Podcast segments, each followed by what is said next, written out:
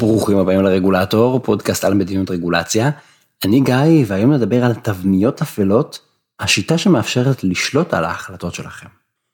באוגוסט 2016, אפליקציית וואטסאפ ביצעה שינוי דרמטי בתנאי השימוש שלה. השינוי הזה בוצע כי אה, פייסבוק רכשה את וואטסאפ, אתם בטח זוכרים, ופייסבוק רצתה לקבל גישה לכל המידע שנאסף בוואטסאפ על יותר ממיליארד האנשים שמשתמשים בה. אז אה, מה שקרה זה שמשתמשי וואטסאפ התבקשו לבחור אם להסכים לתנאים החדשים שמאפשרים לפייסבוק לשאוב את המידע הזה. וואטסאפ פעלה בשקיפות בסיפור הזה. היא טרחה לידע את המשתמשים שהמידע האישי שלהם עומד לעבור לחברת האם לפייסבוק. אבל היא לא טרחה לציין בבירור שהמשתמשים רשאים לבחור שלא לשתף את המידע עם פייסבוק, שיש להם אופציה אחרת. בעצם, כל משתמש יכול להגיד אם הוא רוצה למסור את המידע לפייסבוק או לא, וגם אם הוא לא מוסר את המידע לפייסבוק, הוא עדיין יכול להשתמש בוואטסאפ. עכשיו, אם אתם הבנתם את זה איכשהו, ואתם משתמשים בוואטסאפ, ואתם רוצים לבחור שלא לשתף את המידע עם פייסבוק, הייתם צריכים ממש להתאמץ. כי זה מה שנקרא מנגנון של opt-out. מותר לכם לצאת, אתם צריכים אבל לבחור באופן יזום לעשות את זה. אבל ההגדרה הזאת שלא לשתף את המידע עם פייסבוק הייתה מוכפת עמוק עמוק עמוק בתוך הגדרות החשבון שלכם בוואטסאפ או בתחתית העמוד אם קיבלתם את זה באימייל. זה היה מוסווה ככה ממש טוב כדי שגם לא תדעו על זה וגם לא תצליחו למצוא את זה וכנראה תתייאשו.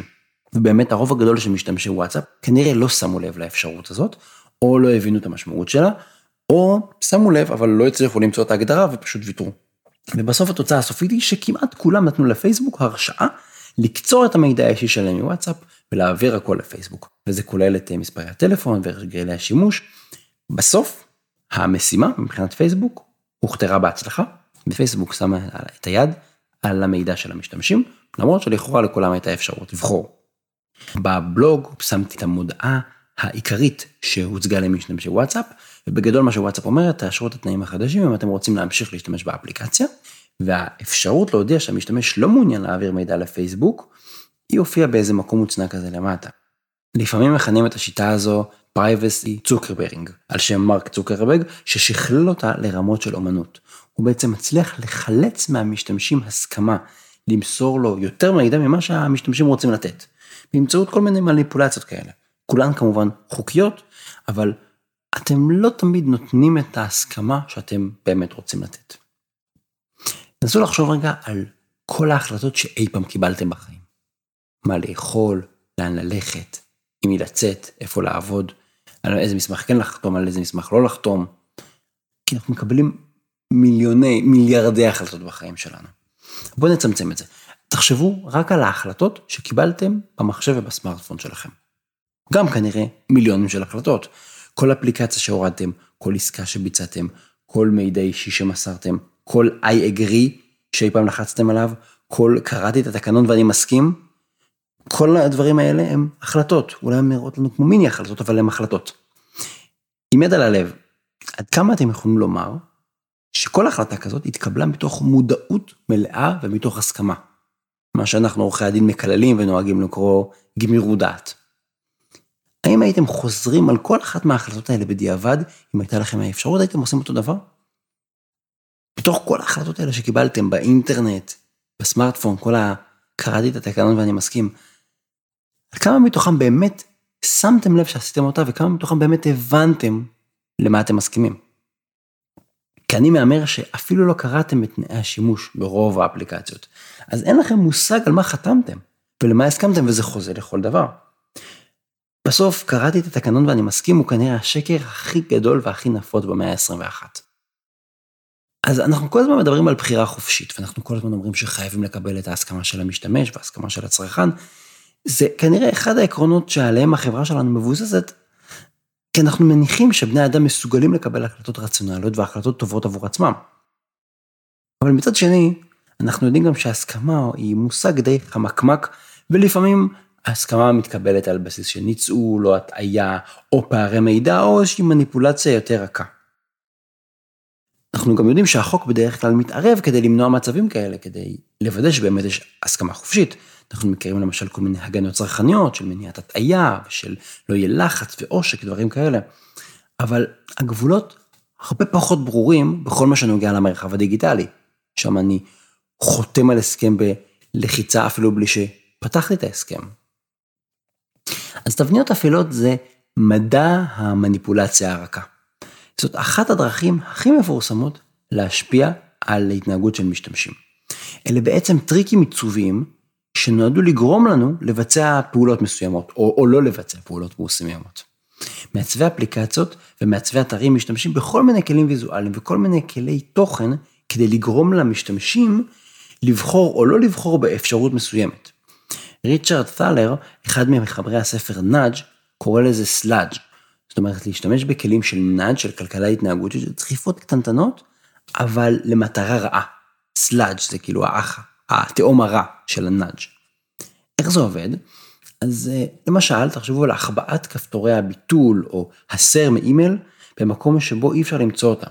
אתם מכירים את זה שכותבים את הכפתור של ה-unsubscribe, הסר אותי מהאימייל, אה, לבן על לבן, או אפור כהה מאוד על רקע שחור, כדי שלא תמצאו אותם בכלל, וזה בטח גם לא מסומן בכחול עם קו תחתון כזה, ש, שתדעו שזה לינק, המטרה היא שתפספסו את זה. אה, דוגמה אחרת זה להוסיף באופן אוטומטי מוצרים לעגלת הקניות האינטרנטית. למשל, אתם בטח מכירים את זה כשאתם באים להזמין טיסה, אז בחלק מהאתרים, בעיקר האתרים של הטיסות הזולות, אוטומטית מכניסים לכם כל מיני פוליסות ביטוח נסיעות, אפילו מציעים לכם, או, או מכניסים לכם כברירת מחדל כל מיני שדרוגים לכרטיס טיסה שעולים כסף. אתם יכולים להסיר אותם, אבל כברירת מחדל מישהו ישחיל אותם פנימה לתוך עגלת הקניות שלכם. דרך אחרת, היא אתרים שמציגים מידע מניפולטיבי ואפילו על גבול השקרי. למשל, שכותבים לכם, נותרו רק שתי מקומות, הזדרזו להזמין מהר, או החדרים האחרונים במלון נתפסים, תזמינו מהר לפני שהם נגמרים. יכול להיות שזה בכלל לא נכון, אבל מוסרים לנו מידע ומנסים להלחיץ אותנו כדי לגרום לנו להתנהג בצורה מסוימת. תבניות אפלות משתמשות בארסנל תחמושת עיצובית מאוד מאוד מגוון. גופנים, צבע של האותיות, המיקום שלהם, מבוכים של כישורים, עמוד שמוביל לעמוד שמוביל לעמוד, וכמובן גם מניפולציות רגשיות. והמטרה היא להקשות או לבלבל אותנו מלעשות משהו, או להטעות אותנו ולשלוח אותנו לכיוון אחר. יש בבלוג מלא מלא אה, דוגמאות, סרטונים לכרזות, שמראות איך זה עובד. עכשיו אני ממליץ לכם להיכנס מהר מהר לבלוג וללחוץ מהר על הקישור לפני שיהיה מאוחר מדי והקישור הזה ייעלם. כל הדברים האלה אולי נראים לכם כמו דברים קטנים, אולי אפילו נישתיים, אבל במציאות יש להם השפעה ממשית על ההחלטות שלנו, ובעיקר בגלל שאנחנו מקבלים החלטות בתוך שברירי שנייה, ואנחנו לא עושים דוקטורט על כל החלטה. ואגב, אם תחשבו על זה, הסיבה שהחברות משתמשות בכלים האלה, ומשקיעות זמן וכסף ומאמץ, זה כי הם עובדים. אבל הפודקאסט הזה הוא לא באמת רק על טכנולוגיה ולא מתמקד בענייני צרכנות, זה פודקאסט על רגולציה. אנחנו צריכים לשאול האם הולכת להיות רגולציה שאולי תשים סוף לשימוש בתבניות אפלות. אז אה, בפרקים קודמים דיברנו על אה, רגולציה על ההייטק וסדרת פרקים על בינה מלאכותית. אז זה חלק ממגמה שלמה של הסדרה של העולם הדיגיטלי.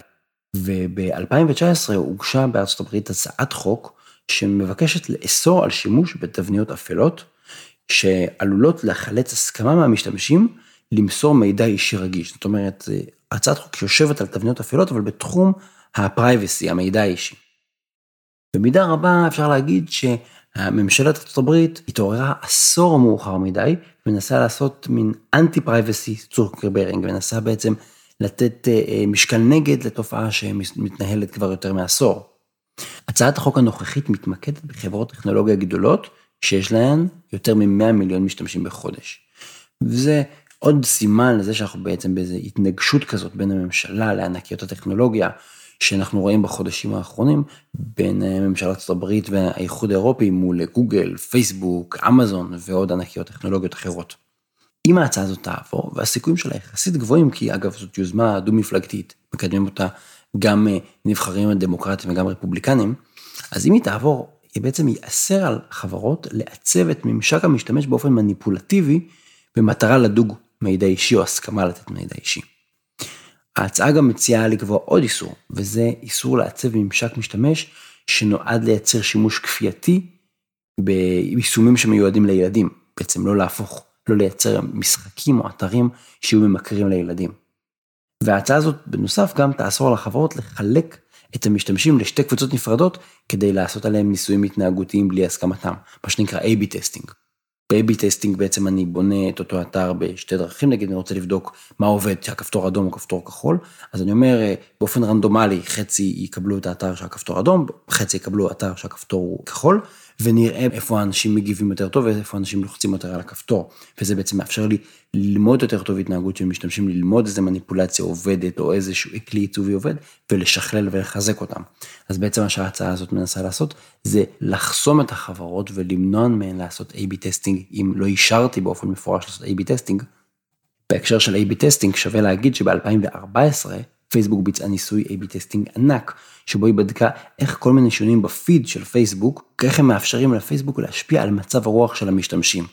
והתוצאות היו די מפחידות, ופייסבוק למדה מזה, והבינה איך היא יכולה לעשות כל מיני דברים כדי לשחק עם מצב הרוח שלנו.